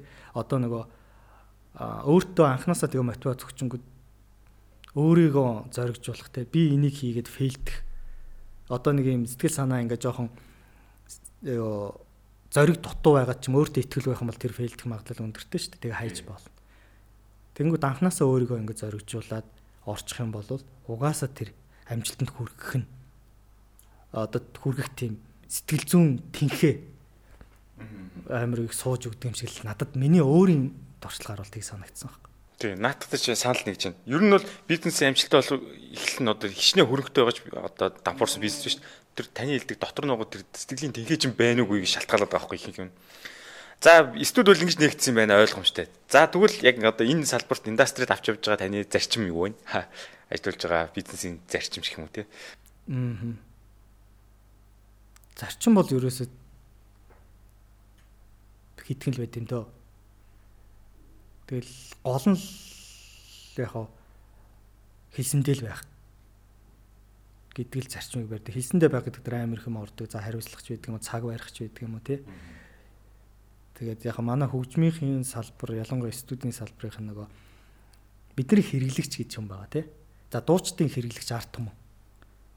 Бидний хэрэглэгч цөөхөн баг. Бидний хэрэглэгч юм бэ? Нөгөө хэд артистууд баг. Тий. Тэднэртэй л бид нар бизнесээ харилцаана. Тэд нар бидэрт мөнгө төлдөг тий. Тэгэхээр одоо Монголд хэдэн артист байгаа. Тэрний хэдэн жишээ надтай ажиллах. Тэ? Тэгээ дараа нь араас нь хэн ирэх юм гэдэг чи амар цөөхөн үед хүн дээр л эргэлдэж байгаа. Тэгэхээр хүн нэг болгон дээр хариуцлагатай байж тэ тэр хүн нэг болгон дээр кэр хийж хүн нэг болгон дээр сайн сэтгэл төрүүлж ажиллахыг одоо бизнес талаас одоо харилцаагаа аюу сайн барихыг хэлчихэдэ. Харилцаагаа үргэлж яахыг тэгээд цаг барихч байдаг юм хариуцлагч байдаг юм нэг тиймэрхүү нэг урлагийнх нэг юм амар тийм имижтэй шүү дээ. Алга болдог, худлаа ярьдаг, залах уу гэдэг шулуух хэлэхэд бизнесийн салбар хамтарч ажилласан бизнесийн салбарынхнаас сонсогддог зүйл дээр танаа урлагийнхан танаа артистууд ийм юу юм уу гэдэл хариуцлагагүй. Тийм имижийг л өөрчлөхийг л зорддог доо. Ядаж өөр хүмүүсээс тийм байж болно гэхдээ жишээ надтай ажиллахад тийм мэдрэмж битээ аваасаа л гэдэг. Энэ бол алтан дөрөмл гэж би боддتي ер нь бол бараг л хамгийн том суурь шүү дээ чинь юм болж байгаа. За ийм одоо за зарчим гэж жоохон хатуу гэлчлээ. Ийм юм зүйлсийг баримталт юм байна. За тэгвэл бизнесээ эхлүүлсний дараагаар танд тулгарч исэн ямар асуудлууд гарч исэн бэ? Хамгийн ойрын жишээ юм бол одоо том төгөрөмж ивдэрх байна. Тэр нь одоо хувь хүнээс шалтгаалгүй ч юм уу, тэ тог цахилгаанаас болоо ч юм уу. Тэ ер нь ямар хүндрэлүүд танд тулгарч исэн бэ? Сорилтууд одоо энэ энэ одоо 15 гаруй жил ажилласан хугацаанд Яа сорил бол бүр өдөр тутам шүү дээ сорилтууд. Яг нь өмнө нөгөө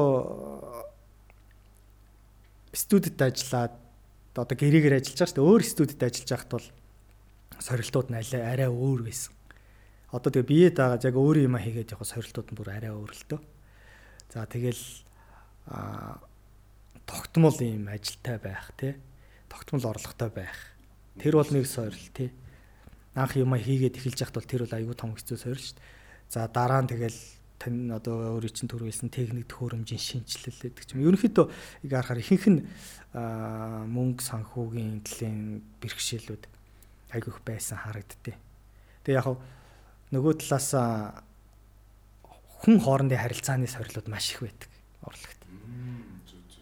Тэрийг одоо амар тодорхой хэлэхэд аа чинь за урал дууны урлагт тийм одоо яг юм артист болж байгаа энэ салбарт нэг юм нэг дургүйдээ ч юм өөрөө нэг хүсээгүй орж идэг өдөр хоног өнгөрөөг цалингаа яв аваад явж байгаа гэдэг шиг тийм хүмүүс орж ирдэггүй байхгүй.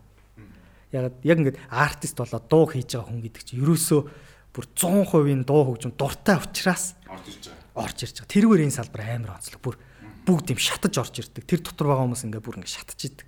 Тэгэнгүүт одоо гүйцэтгэх салбарууд байдаг шүү дээ. Одоо чинь код бичдэг хүн байлаа гэж бодоход цаанаас өгсөн өглийн дагуу кодыг бичнэ тий цаанаас өгсөн дизайны дагуу код бичдэг ч юм уу тий за санхүүгийн салбар байлаа гэж бодоход нягтлан байлаа гэж бодоход орж ирсэн тооны дагуу датан дээр ажиллана. тий тэрүүгээрээ яг ингээд гүйцэтгэлийн ажлууд бол тэгдэг. Тэгэхэд яг хөгжмийн артистууд болохоор үгүй баг яг энүүгээрээ энүүгээрээ орж ирдэг би яг улаан өнгө хүсэж байна гэж орж ирдэг. Тэгээд тэр улаан өнгөө ирэлхийлж энэ дотор амьдэрдэг тэнгүүд тийм хүмүүстэй ажиллана гэсэн.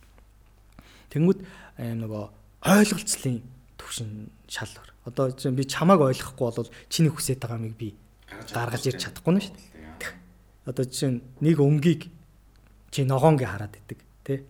Тэгэхэд би тэрийг улаан байгаад идэг. Тэнгүүт би тэрийг яг чиний нүдээр ногоон болгож харах шаардлагатай болдог. Тий. Тэгэхээр нэг иймэрхүү асуудлууд гарна. Тэгээ нэг дуу артистууд ч өөрсдөө яг юм яг чин сэтгэлээсээ тэр зүйлд ингэж орж ирж байгаа болохоор яг хувийн характерууд маш их гардаг. Яг хувийн характераараа тэр зүйлд хандах ч юм уу те хувийн характераараа уурлах хувийн характераараа уурлах хувийн характераараа инээх хөөрөх баярлах баяр инээх те ойлгох унжих одоо бүх юм. Тэр нь бүр яг юм яг хувийнх нь характераар гарч ирнэ. Тэгэхээр нөгөө юм олон хүмүүс тийм олон хүмүүстэй ажиллаад ирэхээр дунд нь ингээ нөгөө харилцаан дээр ингэж амар анхаарах шаардлагатай болж байгаа. Тэгвэл тэр хүмүүсийг хүлээж авах нь шүү дээ.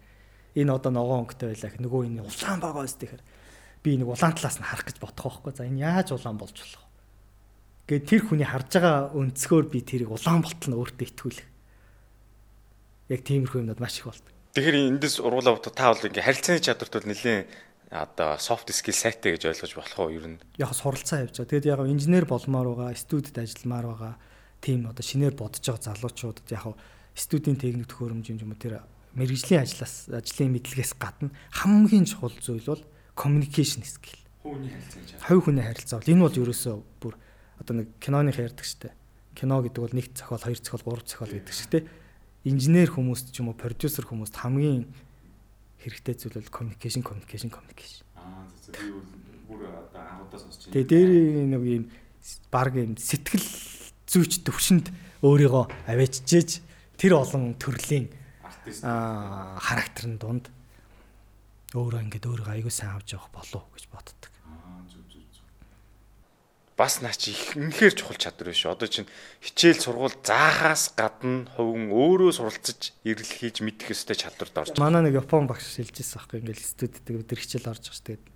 70 идтэй нэлээд мундаг инженер ах өвөө өс. Тэгээд ингээд хичээл нэг заадаг бид нар тиймэрээ суугаад байдаг гэсэн. Тэгээд би нэг өдөр багшаа ингээд та ингээд техникийн аймаг заахгүй ингээд яриад ах энэ ямар учиртай ингээд За чи коноп дарахыг хизээж сурч бол. Тэ? Энэ техникийн ажлыг чи студиудаар гараад угаасаа амьдралын шаардлагаар чи дадлан дээрээ сурна. Та нарын сурч чадахгүй нэг зүйл дээрээс сурах хэрэгтэй ганц л зүйл байна. Энэ бол хүн хоорондын харилцаа. Тэ? Хүнтэй яаж мэдлэх, хүнтэй яаж ярих, яаж бие барих. Тэ манай мэрэгжил чинь мэрэгжлийн сэтгэл зүйч ерөөс 90% төвчээр гэдэг хэвгүй. 90% төвчээр шаард. Одоо ингээл төвчээр амар хэрэгтэй мэрэгжлээд байхгүй. Тэгэхээр төвчээр хүлээцтэй байх гэдэг зүйлийг та нар эхлээд сурахгүй бол та нар ямар ч техник сайн мэддэг байгаад энэ салбарт амьд үлдэхгүй гэх тэр манай багш хэлчихсэн. Тийм биш үү. Нэг бүх хагээл хаалц аваад гарчихсан шүү дээ. Тий. Тэгэд бодохгүй юу. Одоо нэг залуу ингээ студ суужлаа гэж бодоход суперстар ороод ирээ. Тэр хүн суперстар байхгүй. Тэгээ тэр хүнтэй яаж харилцах вэ? Тэр хүнтэй найзтайгаа харилцаж байгаас нөгөө хүмүүсээс ер нь бол ингээл хатуу хатуу одоо тэр яг би түрүү хэлсэн шүү дээ бүр яг ингээд ийм болгомоор байна гэдэг хүслээр орж ирдэг болохоор тэр хүн тэр хүслээ одоо хийлгэмээр байгаа юм а гарахын тулд уурлна тий загнаж үзнэ гуйж үзнэ тий янз бүрийн байдлаар орж ирнэ. Тэгээ ах нар ихч нар одоо мэдээж доод насны сурж байгаа хүмүүс бол хизэж гуйхгүй шүү дээ. Тэгэхээр нөгөө уурлан загнан болохгүй байгаа юм ин хэлэнтэй тэр болгон дээр хүлээнж ингэж авах бид нар авах хэрэгтэй байхгүй. Яг тэр артист өөрийнхөө хүссэн юм бид нар хийх гэж л ирсэн учраас. Тэгээ тэр болгоныг хүлээж авдаг зөрүүлээд ингэж одоо харилцаж ингэж өөртөө ингэж сайн сэтгэл төрүүлдэг тийм скилүүд амар хэрэгтэй болт. Үнэхээр нэж болно. Гэхдээ амар артлын юм яриад байна би тий. Амар ер нь бол хүмүүсийн мэддгүй зүйл шүү дээ чинь. Аа ингээд конопт харсаад бичлэгэн дээр одоо юм тэгж л ойлгож байгаа шүү дээ. Тэрний цаана ямар одоо одоо ажиллагаа ордгийг ингээд би өөсөө мэдчих авлаа. Студийн өрөөнд чинь зодолт нь хэрэлт нь уйлна, уцаарл нь аргад нь гуйн, гарч гуйн, гуйж оруулж ирнэ өчнөө юм болдог. Тий тэгэхээр тэр болгон дээр ингээд тэр тэнд хэрэлтлээгээ тэр ерөөсөө юм хувийн асуудал биш байдаг. Яг тэр тэр гарч байгаа бүтээгдэхүүнийг сайжруулах яаж гоё гарах уу гэдэг дээр л энэ ногоон өнгөө энэ улаан өнгөө гэдэг дээр л ногоон байвал гоё юм биш үү гэх нөгөө тэнхөө наадах ч улаан байх хэвээр. Тэгэл тэрэн дээр өөрийнхөө нөгөө хоёр талаас артистлэг креатив байдлаа хадгалж үлдэхин тулд тэнд нөгөө мэтгэлцээ үүсдэг ч юм уу тийм хүмүүс маш их болдог. Энэ бол эрүүл мэтгэлцэн гэсэн үг шүү дээ ажлынхаа төлөө. Зүг зүг. Маш сонирхолтой саяг бол а тийм байдгийг би бас сайн хараахан мэдээгүй сайн мэдж авлаа. За дээр нь а студи рекордсын үед бол ингээ дата амар чухал байдаг. Тэгээ датагаа алдчихсан тохиолдол байдгүй. Бас тэрнээс л тийм уналт асуудал үүсчихсэн үү? Оо тэгээ одоо нөгөө яг цэвэр нөгөө дижитал тий хард дискэн дээр ажилладаг болохоор одоо бидний хувьд хамгийн том айдас чинь тэр ихгүй датагаа алдах. Тэгээд яг тэрийг алдаж үзэж ижил мэддэг юм байл л дээ. Эхэндээ би нэг тоодгүй за ер нь мэддэг. Гэхдээ датагаа хамгаалах талаар юусоо боддгоо байж байгаа. Тэгээд би нэг удаа яг өөрийнхөө үндсэн хаардыг форматлж ирсэн.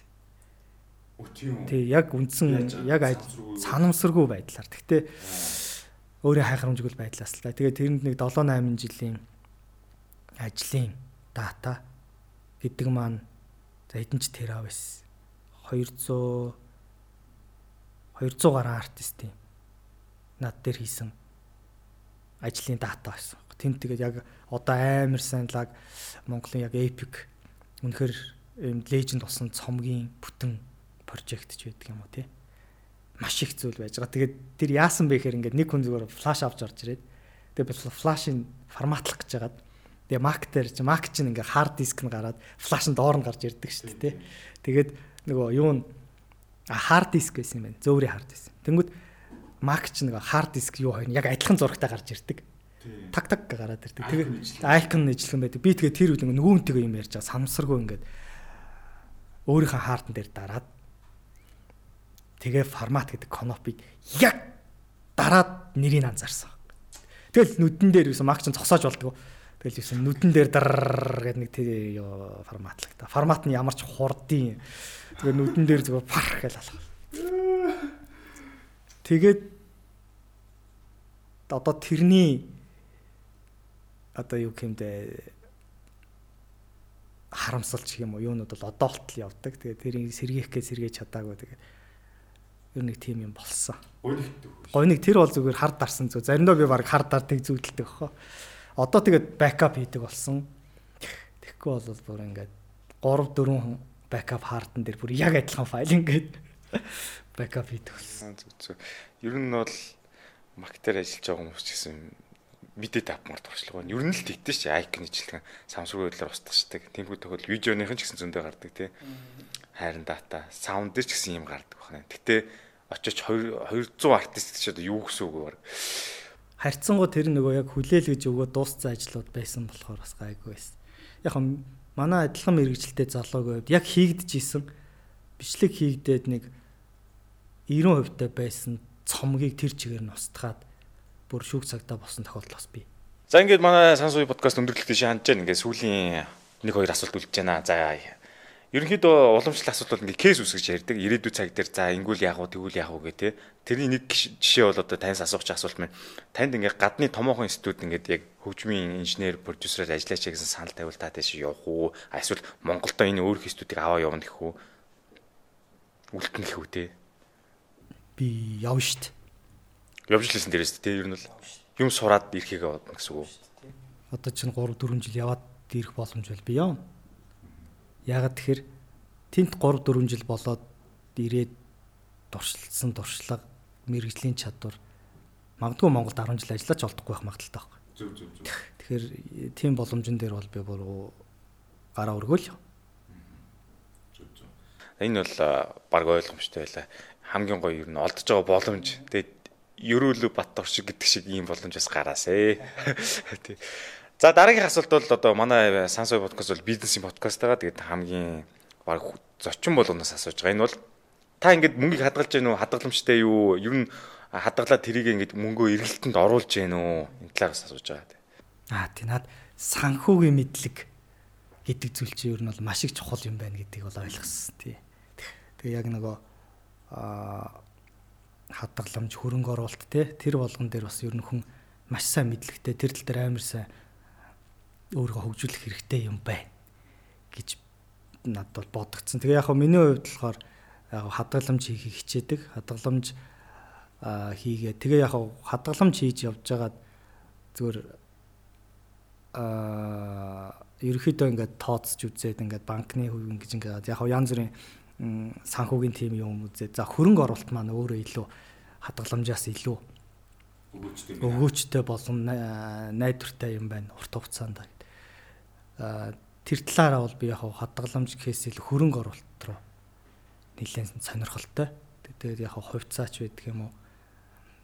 Тэгээ тиймэрхүү юмнууд дээр илүү хөрөнгө оруулалт хийсэн. Тэгээ хадгаламжийг бол мэдээж эрсдлийн маягаар тогтмол хийхийг одоо хичээдэг сар болгон тогтмол. Тэгээд сар болгон тогтмол одоо хоримтлал үүсгэе хичээж баг гэхгүй яг ингээд хоримтлал үүсгэе. Яг тэр маань өөрөө одоо нэг юм офис нүүдг ч юм уу те засвар болох ч юм уу ямарваа нэг байдлаар студ юм уу офис ямар нэгэн болох тохиолдолч байдаг юм. За арай өөр нэг юм хөрөнгө оруулалт байдлаар яхад яг бэлэн тийм эрсдлийн дат тийм хадгаламж бол заавал байх хэрэгтэй. Хувийн ажил, хувийн гэр бүлийн асуудалт ч тэр. Тэгээ дээрэс нь яг бүх хөрөнгийг хадгаламжинд байлгаад байна гэдэг бол өөрөө бас маш эрсдэлтэй. Тий. Тэгээ ялангуяа төгрөгийн хадгаламж ч байдаг юм уу. Яг долларын хадгаламж гэл одоо ингээл доллар өсөөд байна ингэж байгаа гэд харж байгаа болохоос биш. Яг үнэндээ тэр ингээ хөрөнгө оруулалтанд эргүүлсэн бол ямар ашигтай байх байсан юм бэ гэж дараа нь бол тооцоож гаргалаас сонирхол тоо гардаг юм. Тэгэхээр би илүү хувьцаа руу ч байдаг юм уу те. Тим юм руу илүү хөрөнгө оруулалт хийдэг. Тэгээд яг олонний трендийг дагаад маш бага хэмжээгээр руу бас хөрөнгө оруулсан байдгийн. Тэгээд тэрийгээ бол ер нь бол яг одоо бүгд газраар шалаар байгаа. Гэхдээ тэрийг нэг урт хугацаанд яах бол болов гэдэг байдлаар ерөнхийдөө тэнд нь ингээд үлдээсэн байгаа. Тэр сонирхох байдлаар сонирхох байдлаар тэрэн дээр би тоглолт хийдэг ч юм уу бүх юма тавьж туугаагүй. Зүгээр л сонирхох байдлаар ямар хөө төвшөнд байх нь. Тэгээ би өөрөө нөгөө яг аа олоо би өөрийнх нь хобби болохоор би түүх улс төр саягүй сонирхдаг байхгүй. Тэгээ сүүлийн үед яг хав түүх улс төр тэгээ геополитикт би айгүй дуртай. Яг нь сонирн байж магадгүй. Тэгээ тэр талаар айгүй өдрө болгон ингэж мэдээлэл авахыг хүсдэг. Тэрийгээ дагаа нөгөө эдийн засгийн мэдээллүүд чи мэдээж геополитик улс төртэй айгүй холбоотой байдаг бол тий. Тэгэхээр эдийн засгийн талын мэдээллүүдийг өдрө болго авахыг хичээдэг. Тэгээ тэрийг авдаг болсноос хойш бол энэ бол маш чухал зүйл юм байна гэж бол ойлгосон. Хүн бүр байж байгаа дээ. Яг ингээл санхүүгийн боловсрол санхүүгийн мэдээлэлтэй хаана юу болоод байна гэдэг зүйлийг амар сайн ойлгож авах хэрэгтэй юм байна лээ. Тэгэхээр санхүүгийн мэдлэгээ бол залуучууд маш сайн сайжруулах хэрэгтэй гэдэг дээр бол би зүг зүг. Дэлгэрүүлэл ганцхан асууд та хувьцаанд одоо хөрөнгө оруулж байгаа гэж. Тэгэхээр дотоодын хувьцаа юу, гадны хувьцаа юу? Аль талтай байдаг? Тий, ерөнхийдөө эхний ээлжинд яг анх ингээд оруулж яхад баг хэмжээгээр дотоод хувьцаанууд руу нэлээд хөрөнгө оруулалт хийж үзсэн. Тэгээд урт хугацаанд бас өөр ашигаа өгж байгаа юмнууд нь байгаа. Тэгээд гадны бас ганц нэг хувьцаанууд руу бас хөрөнгө оруулаад ерөнхийдөө байдлыг одоогоор харж байгаа. Гэхдээ мэдээж хэдэн сая хэдэн зуун сая биш шүү дээ. Энэ бол тэгээд юм юу байдлаар судалгаа байдлаарч байдаг юм уу те. За ер нь ямар хуу ямар хуу нөхцөл ямар хуу байдал энэ хувьцаа маань яаж хувьсаад байна ямар хуу төрлийн бизнес маань одоо яа хувьцаа илүү ашигтай байна гэдэг талаас нь судалгааны маягаар нэлээд хөрөнгө оруулалтууд бол хийцэн байгаа. Яг хоо дайм болоо сая ковид гэж ер нь бол хамаг төлөвлөгөөг бол нураасан. Тэгэхээр одоо эргээд ингээд эдийн засаг гайгүй болох цаг ирэхэд дахиад юу болох нь бас харж л байл гэсэн бодолтой шүү.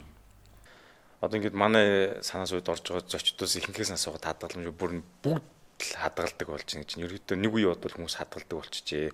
Бас ховцоонд хөрөнгө оруулдаг болсон байна. Ховцоонд хөрөнгө оруулж байгаа гэдэг нь тухайн тухайн цаас аарынхаа компани оруулж байгаа хөрөнгө оруулж байгаа компани бизнес болон бэкграундыг судалдаг цаг гаргаж яана л гэсэн үг. Тэгэхээр энтлийн боловсрал ерөнхийдөө манай үеийн залуучууд ч юм гайгүй дээшилж байна гэж хараад байна шүү дээ. Энэ тал дээр бол бүр яг дунд сургуулийн нөгөө бүрэн дунд боловсролын гэрчлэгээ гэдэг чинь бид нар санхүүгийн боловсролыг бол тэр хэмжээнд бүр сайн авах хэрэгтэй. Бүр тэр бол бүр биднээс заашгүй шаардж байгаа одоо шинэ үед ялангуяа тэгжиж одоо энэ амжилттай одоо зөвхөн ингээд нэг нэг цалингаар орлогожж амьдэрдэг цаг үе өнгөрлөө шүү дээ. Энэ бол одоо уламжлалт арга. Энэ бол одоо цаашдаа цаашдаа явахгүй. Зөвхөн цалин хүлээж амьдэрдэг. Цалин байж болон цалингийнхаа төдөө хөрөнгө оруулалт хийдэг хадгаламж хийдэг ч юм уу. Тэгээ тэр хадгаламжаа цааш нь яаж хөгжүүлдэг гэдэг тиймэрхүү мэдлэг боловсролыг залуучууд одооноос маш сайн авах хэрэгтэй баг тий. Одоо жишээ нь сая долларын өсөлтгөл байж шүү дээ. Яг ковид эхлэхийн өмнөхөн би нэг ажлынхаа дүрнээр тэлж ирсэн. Яг доллар одоо өссөн те одоо ингээ цар тахал ингэж байна. Долларын хадгалам 100 100 гэхгүй 200 200 доллар гэхгүй хийчихээ наадах чинь гайгүй болох болов. Тэр үед яг нөгөө эдийн засгийн мэдээллүүд ингээд яг ингээд ерөөхдөө байдлыг ингээд төсөөлөд ингээ харахаар доллар бол үнэхээр амар өсөх магадлал өндөр байсан.